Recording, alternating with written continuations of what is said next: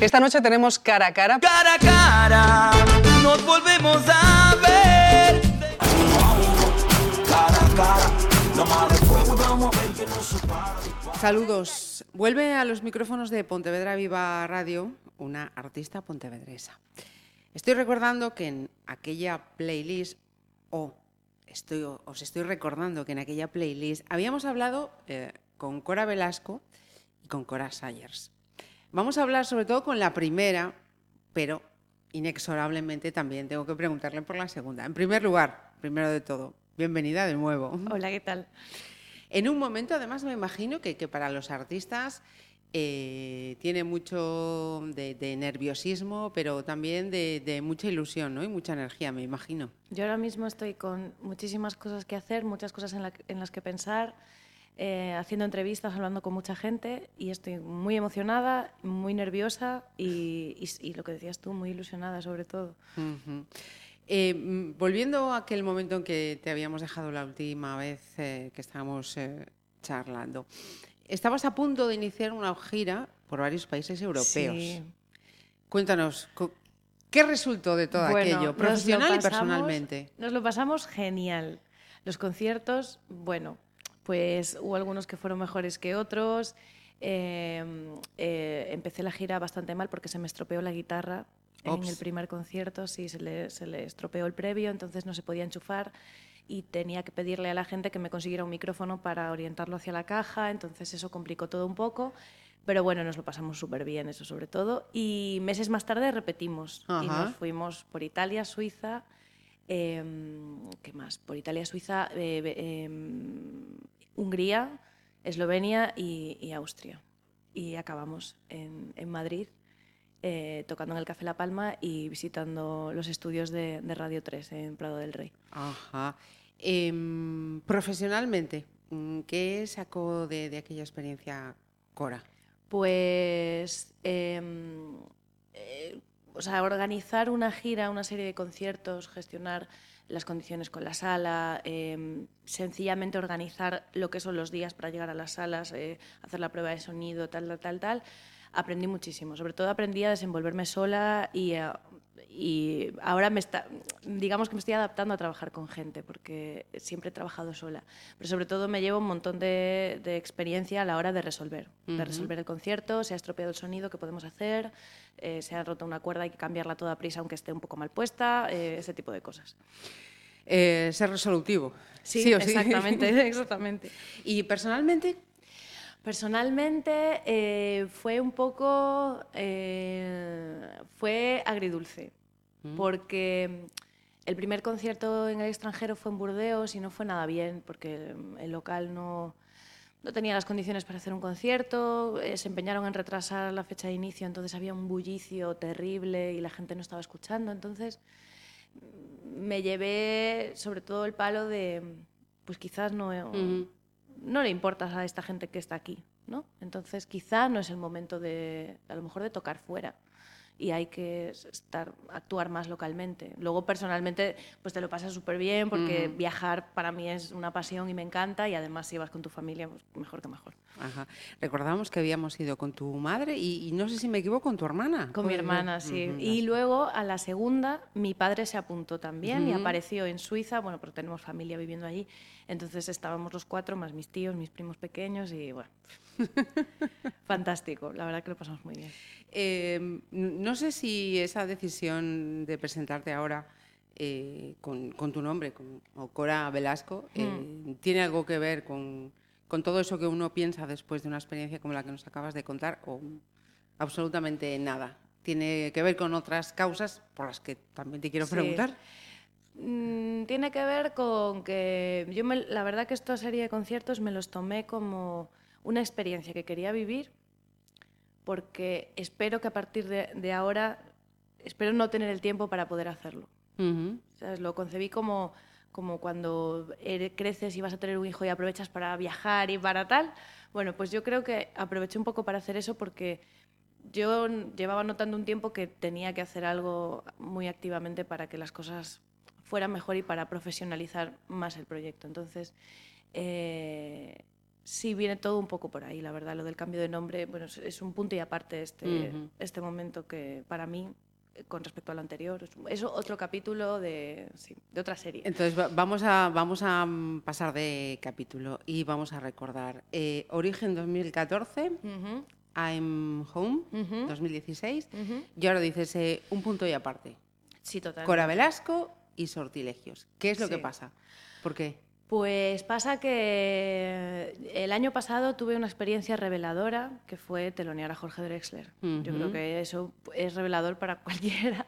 Y eh, al estar en contacto con lo profesional de verdad, me di cuenta de que yo no estaba a a lo mejor haciendo todo lo posible por, por, por, por llevar mi carrera a, pues, para poder vivir de la música, digamos. Ujú. Entonces decidí que tenía que empezar a hacer una serie de cambios y, y eso pasaba por sacar un nuevo disco para reflejar lo nuevo que estaba haciendo y yo sabía que tenía que estar producido por alguien, porque producirlo uno mismo, yo creo que, a no ser que estés hecho de otra pasta, yo desde luego no, eso no lo quiero volver a repetir.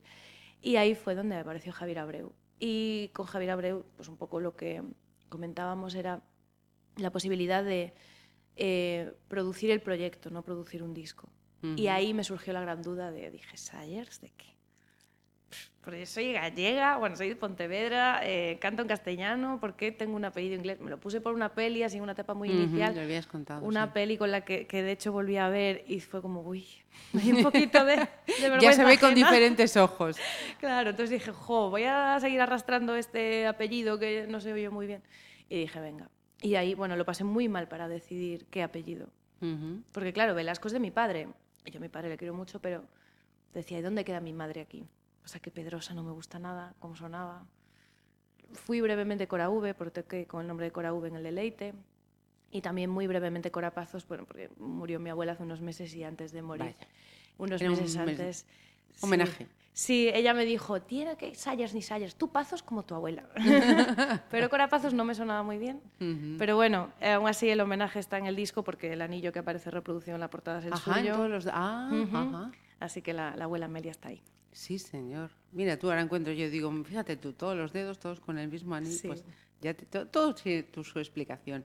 Em, hablaba del cambio en, en ese nombre artístico y el cambio musicalmente, quien escuche Sortilegios, ¿qué se va a encontrar?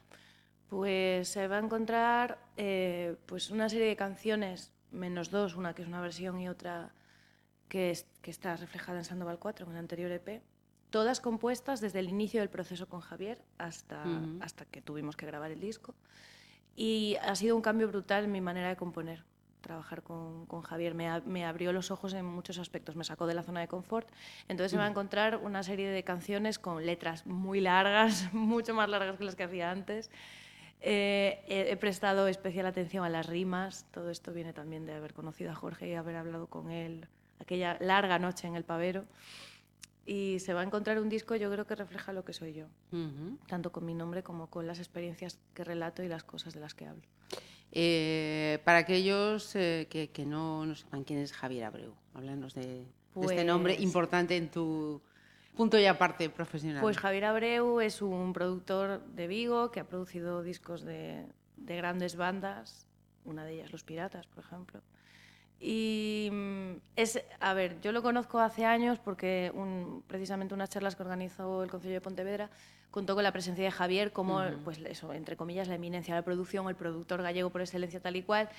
Y todos nos moríamos de ganas de hablar con él y yo ese día no le dije nada dije, "Ay, qué vergüenza. Entonces, mm, yo lo llevo conociendo de oídas mucho tiempo y, y es un señor que trabaja increíble. Un señor, si me escucha me va a matar. un chico. un chico que trabaja muy increíble. La forma que ha tenido de dirigir esto desde el principio ha sido súper cómoda y cariñosa y bueno, estoy súper agradecida de, de- haber trabajado y seguir trabajando con él. Este trabajo previo a la presentación, ¿durante cuánto tiempo ha, du- ha durado, Cora? Pues, a ver, eh, nosotros empezamos a trabajar activamente en este disco en agosto. Estuvimos en agosto, septiembre y octubre tanto componiendo como, como arreglando los temas. eh, y lo grabamos en noviembre y desde aquella hemos empezado con la campaña de promo a lo bestia y ah, poniendo todos los medios para que esto salga bien y, y que Sortilegio se escuche y, y se vea también por el videoclip que hemos hecho. Ujú. Bueno, poniendo toda la carne en el asador. Eso que soy vegana, o sea que debería decir todas las verduras en el asador. Eh, el videoclip, eh, háblanos. Quien entre por ahí a buscar en YouTube lo tenéis, lo vamos a enlazar.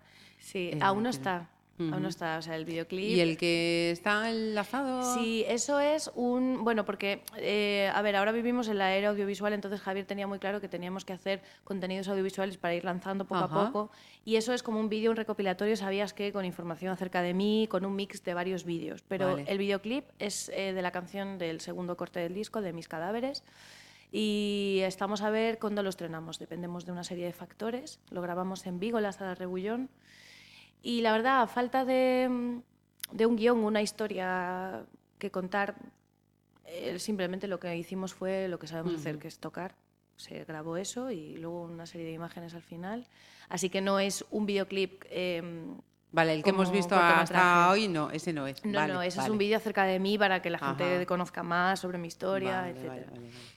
Eh, otra cosa que te quería mm, recordar que nos contases, venías emocionadísima después de una entrevista que te hicieron los compañeros de Radio 3. Eh, en este disco hay una versión, aquellos que sois mm, o que erais jóvenes en, en los 80, más jóvenes aún en los 80, eh, seguro que tenéis perfectamente claro eh, quién era el grupo Esclarecidos y aquel mítico tema eh, Arponera, que ahora has incluido en este Sortilegios. Y por favor, seas tú quien, quien cuente qué es lo que pasó. Sí, bueno, pues fue increíble. O sea, llevo todo el día con una sonrisa en la cara. Pues, eh, pues nos presentamos en, en Radio 3, en, en Prado del Rey, para empezar el programa. Eh, Julio ya había pinchado esta canción hacía dos semanas o algo así, porque me dijo que sobre todo le había sorprendido mucho la elección, porque como contaba ayer en el programa, yo tengo 27 años y Arponera tiene 33. Ujú. Y yo la conocí hace tres años solamente, o sea, ni siquiera mis padres me la habían puesto de pequeña. Entonces, nada, pues de pronto la pincha y veo que dice, eh, al- mirando al técnico, bueno, ¿qué te ha parecido? Y yo pensando, le está preguntando al técnico ahora, qué, qué raro se me hace. Y dice, hola, ¿qué tal? Muy buenas tardes. Y de pronto se escucha la voz de Cristina Giso, la cantante de Esclarecidos. Pues me ha encantado y tal. Y yo, o sea, se reprodujo en streaming y mi madre me dijo, se te abrió tanto la boca, bueno, que si si hubiera moscas se te hubieran metido todas dentro. Pero estaba, o sea, me quedé, la verdad que me quedé sin habla durante un minuto. No sabía qué decir, fue un sorpresón. Estoy muy contenta. Bueno, y, y un hecho muy, muy sintomático de lo que se puede uno encontrar escuchando sortilegios, entonces. Sí, sí, sí, sí, sí, sí, sí, no sé. la- no sé, la verdad que la elección de la versión mm, a mí me, gustó encontrarme de nuevo con esa canción y haberla elegido para, para el disco. Además, eh, según voy hablando con determinadas personas, me han dicho que encaja bien con el resto de canciones. Así que, bueno, estoy muy contenta con la elección. Eh, esto estamos eh, grabándolo unos días antes del viernes 1 de febrero, que es cuando eh, Cora Sayers va, hoy, perdón, Cora Velasco, la costumbre, perdón, Cora Velasco va a subir al escenario del teatro principal para presentar este eh, sortilegio. Recuerdo, mm, 21 horas, viernes 1 de febrero, teatro principal, entradas 10 euritos. Sí, las entradas sí. están en Ataquilla, entradas Ujú. eh, punto ataquilla.com. A encher, ¿no? Como se dice aquí. Pues a ver, a ver, no sé, claro, también elegí un sitio tan grande que llenarnos, no se va a llenar, pero si está la gente que quiere escuchar el disco y están sobre todo familia y amigos y demás, yo ya me doy por satisfecha.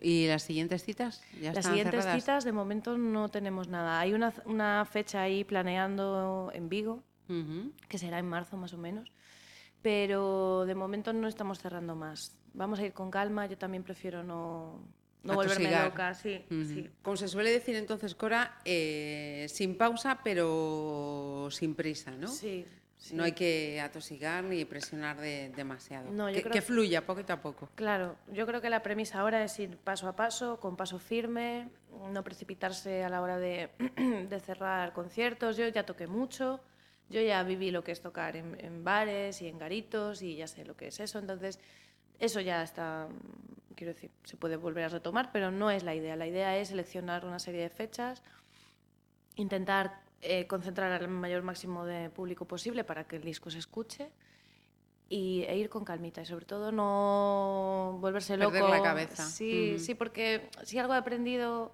en estos años es que planear no sirve de mucho. Porque a mí si hace un año, a mí eso me encanta, pensar en un año atrás. Si a mí hace un año me llegan a decir que iba a estar presentando el disco eh, con Javier Abreu, pues, producido por Javier Abreu, en el teatro principal, lo de Cristina Giso de ayer, bueno, toda esta serie de Ujú. cosas, hubiera flipado mucho. Entonces yo prefiero no... Las cosas buenas van viniendo y, uno se sube a la ola cuando, cuando aparece. Eso también eh, los mayores lo, lo llaman ir madurando. Sí, puede ser. puede ser, sí, yo, sí, sí. Eso me lo he notado mucho últimamente, que, que sí que estoy... Yo tengo la sensación de que o tengo tres años o tengo 85. y ahora, ahora soy mayor, ahora ya estoy ahí, sí, sobre los 80, 75, 80. sí. Bueno, no digas eso, que das mucha envidia, das mucha envidia. Por cierto, en coravelasco.es podéis entrar, ver su eh, bio, em, en fin, mogollón de, de datos, conocer mejor a, a Cora. Y, y también incluso he visto que mm, va a haber hasta quien se va a poder llevar, si participa, eh, uno de estos, a uno, algunos de estos Sí, trabajos. sí, sí. La verdad que no sé si, si la gente se, se ha enterado. Bueno, yo creo que creo que no lo hemos eh, movido nosotros mucho, a lo mejor, pero se o sea, hay un, un sorteo activo, que es un sorteo de 10 CDs. Luego también adelanto que vamos a hacer la after party de- del concierto en el Pavero. Y allí vamos a hacer también un sorteo de, pues, de varias cosas, de, de merchandising que vamos a ir teniendo. Y nada, animar a todo el mundo a que participe y que se lleve a mis gatitas en formato de disco o formato de, de camiseta o de chapa. Sí, señor. Pues eh, ya sabéis, Cora Velasco, viernes 1 de febrero, teatro principal, 9 de la noche. Como siempre, Cora, un placer tenerte aquí. Muchísimas gracias por haberme recibido. Amigos, ¿cómo están? Bienvenidos. Estamos en el cara a cara. La conversación, la confesión, usted sabe.